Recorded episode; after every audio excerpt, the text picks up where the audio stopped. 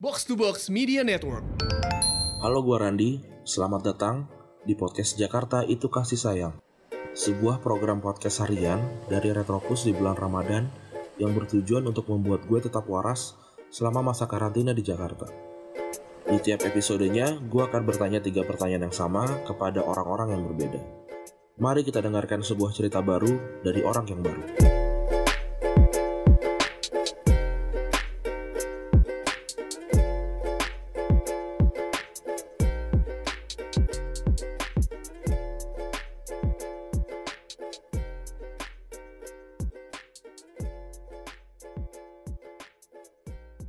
Halo teman-teman, ini adalah episode kedua dari Jakarta Itu Kasih Sayang. Kali ini gue kedatangan seseorang yang udah submit dari Twitter.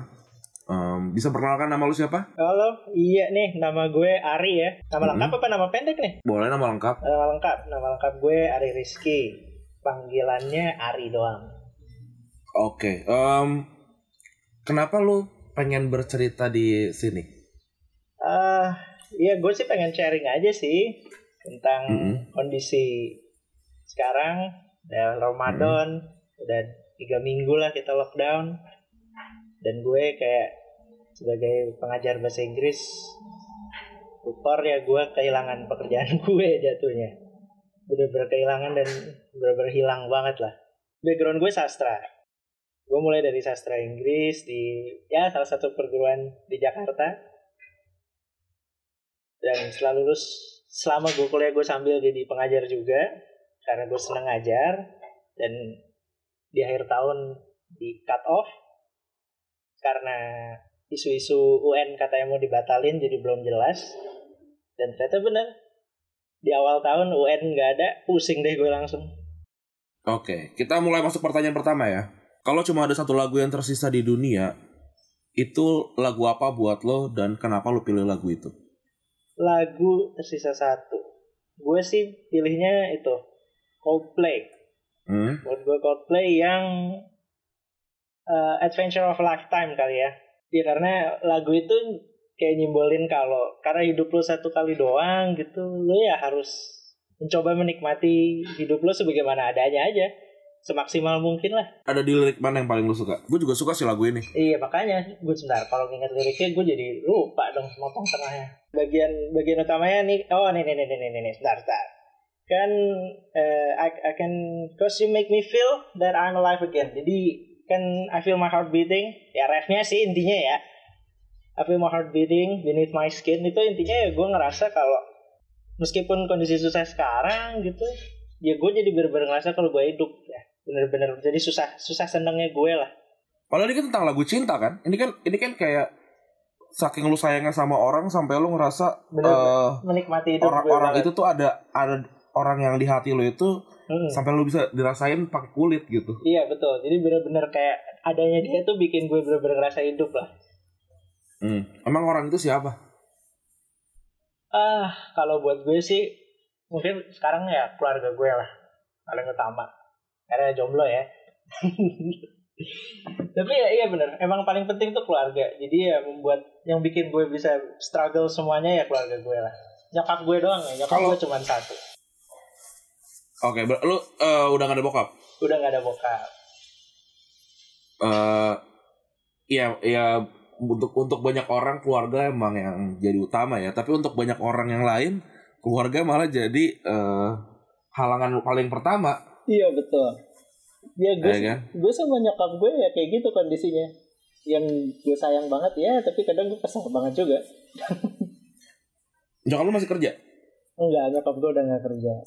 Jadi ya gue oh, doang anak anak berapa emang? Gue anak pertama anak tunggal bahkan bukan pertama lagi. Oke ber- berarti hidup cuma berdua doang ya? Iya sekarang berdua doang.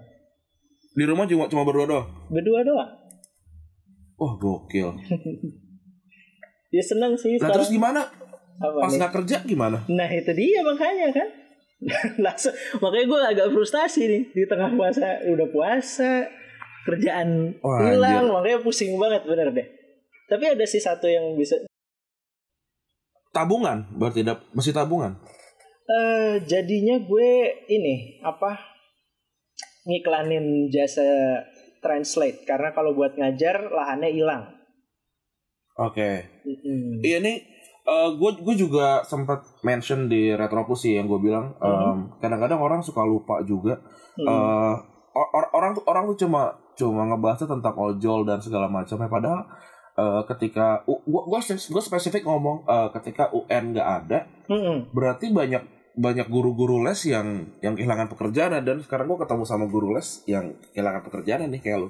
Hmm, betul. Itu waduh. Itu pas dari awal tahun ya, kita pas denger isu-isu UN mau dihapus kan dibilang tahun depan ya kita gitu ya. Kita baru mulai proyeksi tuh, ah, ini gimana nih? Tahun depan ya gitu kan. Karena kan proyek ke sekolah kadang atau pelatihan-pelatihan gitu tuh ada. Itu yang membuat kita survive di awal tahun lah. Tapi ya ya karena UN nggak ada ya ya gimana ya gue cuma bisa ya sekarang gue mungkin bisa ketawa kali teman kalau lu tanya sebulan yang dua bulan yang lalu mungkin gue bener-bener kayak anjir lah gue nyari duit dari mana gitu kan ya gue harus Oke. menggali hal-hal lain lagi gitu selain ngajar doang oke Kita kita langsung slide ke pertanyaan nomor 2 ya. oke Kalau buat lo Mhm. apa pedoman dalam menjalani hidup? Quotes. Atau mantra Hmm. atau ayat kitab suci mungkin yang kayak eh, yang yang bikin lo kayak anjir. Hmm, Gue kalau harus hidup, gue harus hidup sih. oke Eh, ucapan bokap gue sih Hmm, dia Karena, bilang apa? eh, bokap gue itu selalu bilang bokap dan om gue ya dua orang inilah yang ngasih nasihat ini ke gue dibilang Hmm, hmm.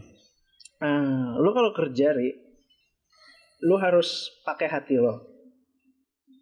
Jadi gunakan tujuan pekerjaan lo itu seutuh-utuhnya, duitnya bakal ngikutin, bilang kayak gitu. Jadi gue dalam seluruh kegiatan gue, gue sebagai pengajar ya tujuan gue bukan utamanya sekarang ya bukan nyari duit ya, meskipun kepepet survival beginilah. Tapi gue pengen murid-murid gue itu sukses lah jadi orang. Dan kalau gue nginget-inget murid gue 4 tahun, 3-4 tahun ke belakang lah. Ya gue bangga sih ngeliat mereka. Udah pada masuk PTN, udah ada yang mau lulus, aktif di BEM dan lain-lain. Ngomong bahasa Inggrisnya cas Jesus lah gitu. Jadi gue bener-bener nerapin. Kalau menurut lo, eh, Ri, kalau menurut lo kenapa guru, kenapa banyak guru-guru yang eh suka puk- suka mukul? Ada yang suka mukul. Kalau menurut lo kenapa, Ri? Lo kan Iya ya. K- kalau kalau gue kalau kalau kalau yang gue yang gue eh, pikir Mhm. kenapa guru-guru kasar dan eh, segala macamnya apalagi di zaman gue ya gue gue tuh kelahiran 92 eh Hmm, gue sama. gue masih ngerasain Gue sama lo ba- seumuran lu lo. 92 juga eh gue gue gue ngerasain banget Hmm, masih dipukul pakai eh, apa penggaris. penggaris gitu segala macam kan Betul. terus gue mikir eh ketika umur umur gue umur kita udah du- 28 ini kan eh, Hmm. ya ya guru-guru ini juga seumuran sama gua nih waktu waktu ngajar Iya, gua betul. waktu yang gua kecil itu Betul, betul. Eh, bisa bisa aja dia nggak punya duit buat makan besok bisa aja dia baru diputusin pacarnya gitu terus harus Betul. ngadepin anak-anak bajingan kayak gua waktu kecil gitu nah Iya, tapi iya. Betul. tapi kalau menurut lo kenapa kalau menurut lo kenapa lu kan lu kan juga pasti punya murid-murid yang yang kurang ajar apa Hmm. segala macam Betul. Gimana kalau menurut lo gimana Eh, kalau nggak pakai hitungannya kenapa main fisik lah ya hitungannya berarti pertanyaannya mukul Ah, gitu ya. ah, Menurut gue sih itu lebih kepada karena kadang eh, dibaikin doang itu nggak cukup. Kalau gue sih kadang Oke. kayak gitu. Jadi banyak banyak juga anak yang baru baru ngerti ketika kita lebih keras. Ada Oke. tuh. Tapi emang nggak semua anak sih bisa kayak gitu.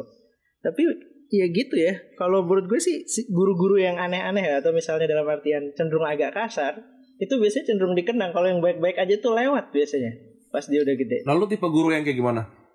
Gue tipe guru yang ikut di tongkrongan mereka. gue nggak kasar sih, tapi gue Oke. ikut ke tongkrongan mereka. Jadi anak zaman sekarang yang kayak eh, ngopi kak, diajak ke tempat ngopi lah ya udah kita ikut.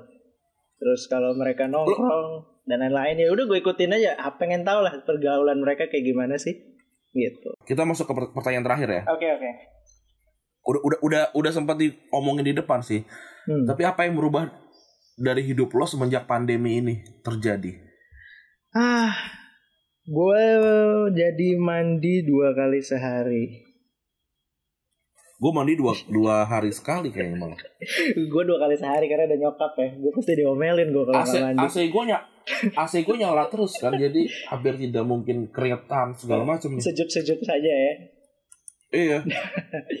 Iya sih tapi Sampai akhirnya gue beli kipas malah. Gua akhirnya gue beli kipas supaya AC gue nggak nggak bekerja dengan keras. dua apa dua sisi ya dikipasin iya Yoi. di, di AC ini juga. Ya, Makanya. tapi Kalau lu gimana? kalau kalau yang seriusnya sih ya ini gue gue jadi punya lebih banyak waktu dengan keluarga dengan keluarga gue meskipun seringan berantem Eh, dan di setelah pandemi ini bener sih eh gue benar-benar harus belajar tentang keuangan lebih baik. Perencanaan uang banget. Sama ya gue harus nyari skill baru kali ya. Gue lagi ngisi skill baru nyoba-nyoba belajar podcast juga nyoba-nyoba voice acting. Ya yang bisa gue lakuin dari rumah lah. Iya. hmm. Karena karena kayaknya kalau jadi jadi biasa-biasa aja eh, means apa ya? Skill yang diajarin di kampus Hmm. keluar ya udah teman-teman lu satu satu angkatan berapa 300 gitu misalkan. Iya. Ya lu jadi sama kayak orang 300 itu. betul betul harus jadi sesuatu yang pembeda lah harus nyari sesuatu yang Iya. membedakan lo dengan teman-teman lo Iya, iya. Ada faktor diferensial untuk untuk seenggaknya itu yang lu tawarin ke orang gitu. betul betul Ah. Oke, ada lagi? Ada yang lu- ada lagi yang mau ngomongin gak? apa ya ya gue sih pengen apa ya gue pengen bilang mungkin ke pendengar retropus juga ya yang lain. Hmm. Eh, di kondisi kayak begini emang ya kalau pakai bahasa baik-baiknya kan kita harus mendekatkan diri terhadap Tuhan kita harus dekat terhadap keluarga. Dan Hmm. itu emang benar. Mungkin selama ini lu terlalu sibuk di luar kali lu nggak sempat ketemu keluarga lo. Kalau emang lu bisa di rumah itu kesempatan lo. Kalau lu nggak bisa di rumah kayak si Randi nih lu di kosan kan kan ya kalau di kosan Hmm, ya udah. ya udah kalau di kosan ya berarti lu mencoba mencoba dekat dengan keluarga lu dengan cara yang lu bisa lah dan isi waktu lu dengan skill-skill yang dengan hal-hal yang mengisi kemampuan lo bukan cuman have fun doang lah di saat kayak gini. Oke. Kalau gue sih Hmm. eh, karena gue tuh introvert ya, jadi Hmm. em, ketika kayak gini ya ini ini zona nyaman gue gitu eh, sendirian di kosan segala macam gitu. Dan juga gue bukan tipe yang deket sama keluarga gitu meskipun Hmm. sayang tapi nggak gue gue nggak emang nggak deket aja karena emang gue dari dari kecil kan gue nggak pernah ada di rumah gue Hmm. gue dari SMP sampai sampai gue gede gue di luar rumah eh, karena karena pesantren dan apa Iya, iya. kuliah di luar kota kan jadi Betul betul. em, tapi tetap aja ya ke- keadaan kayak gini bisa bikin gak waras karena udah hampir Benar. berapa, tujuh minggu berarti kan Benar. nggak- nggak gue nggak ketemu orang gitu Benar benar. Eh, nggak ketemu nggak nggak ketemu pacar nggak ketemu Hehe. gue nggak ketemu Febri gitu gue Iya, bener. nggak ketemu partner partner partner yang lain Gustika Hmm. Ajis gitu betul betul. gitu sih Bikin frustasi sih. Gue sama teman gue bikin frustasi kayak sahabat gue tuh sama gue tuh jadi kayak cuman bisa ceng-cengan di Twitter gitu atau iya ngechat. iya Sedangkan biasanya tuh kalau ketemu bisa ngopi bareng atau apa kayak makan atau ngapain lah. Cuman ini udah di rumah aja. Seintrovert introvertnya orang ya kita tetap butuh sosialisasi lah. ya udah gitu aja terima kasih Ari ya Oke. udah mampir di sini Thank you banget Randy. Um, yo, yo, eh, sehat-sehat terus ya. Bye. Bye.